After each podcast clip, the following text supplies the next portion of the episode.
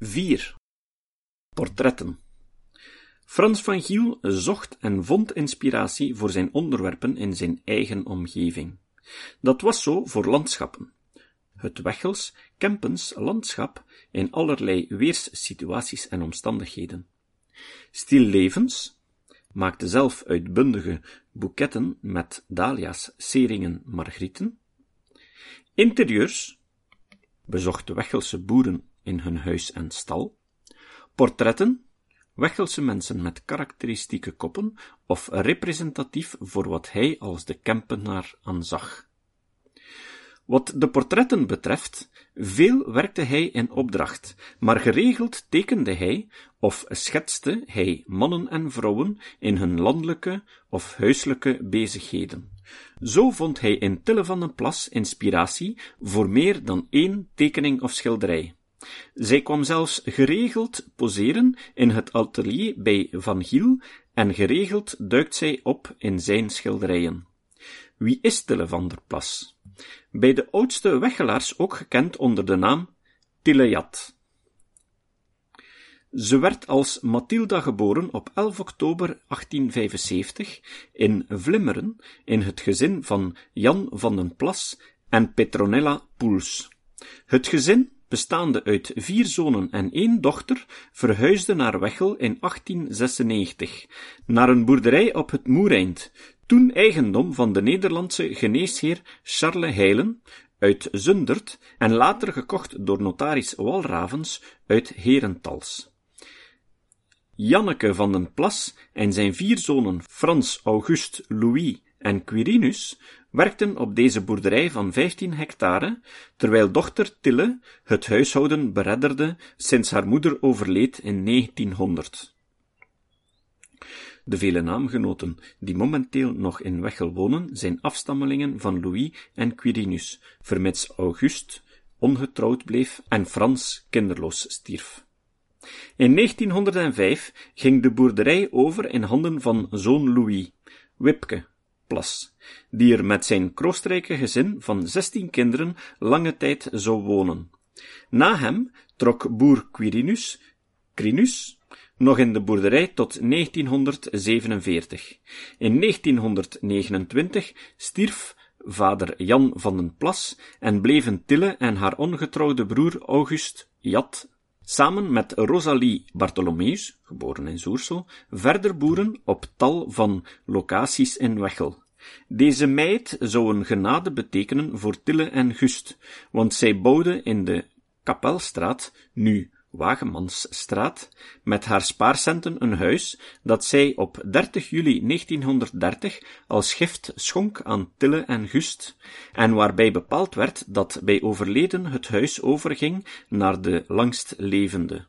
Het huis is nog steeds bestaande en ondergaat nu een renovatie, namelijk Wagemansstraat nummer 29.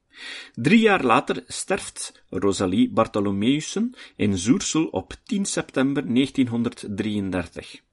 Tille was 55 jaar toen ze naar de Keppelstraat vertrok en had nog energie genoeg om naast de enkele geiten die zij daar hield, nog bij te werken als tuinvrouw bij de Antwerpse vakantiegangers die toen in Wechel een aantal bungalows bouwden. Tille spitte, snoeide, scheerde heggen en perkjes, plantte bloemen, wiede onkruid en Gust was thuis actief en kwam soms met de kruiwagen het snoeisel ophalen om dan thuis in hun zeer grote tuin een vuur aan te leggen. Momenteel zijn er zeven woningen gebouwd in deze tuin, Wagenmakerstraat, nummers 31, 33, 35, 37, 39, 41 en 43. Tille was klein, mager, maar taai. Ze kon letterlijk haar man staan en had voor die tijd soms wel mannelijke gewoontes zoals tabakkauwen, pruimen. Ze was een ongetrouwde vrouw, maar was lid van de Sint-Sebastiaansgilde van Wechel, een redelijk uniek feit, vermits zij ongetrouwd was en binnen de gilde de regel gold dat er alleen mannelijke leden waren en hun vrouw hen kon begeleiden.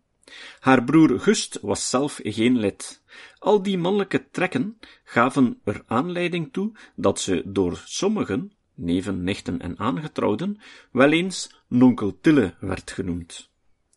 Het kapelleke recht over hun huis werd door haar onderhouden, in de meimaand versierd, een gebruik dat decennia lang door de bewoners van haar huis in ere werd gehouden.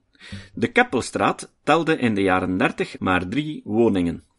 Het huisje van Ferdinand Geentje Spoels, Nandvas, nu de bebouwde woning van Emma Geentjes van der Schoot, het huisje van Lucie Rutten Verhoeven, nu bewoond door Herman Rutten en zijn vrouw, en het huis van Tille en Jat, allemaal aan dezelfde kant van de weg.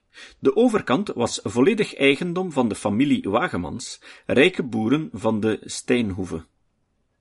Frans van Giel kende Tilles handel en wandel, en met de typische witte werkmuts, die ze alleen nog droeg om naar de kerk te gaan, was zij een van de laatsten uit die tijd toen vrouwen met kapmantel en trekmuts de weg opgingen. Ook een oud, eigenaardig gebruik hield ze in stand. Sommige weggelaars zien haar nog in gedachten naar de kerk stappen, en telkens zij aan het huis van meester Broeks was, nu nieuwe techno, ging ze een stapje opzij en hurkte achter de haag neer.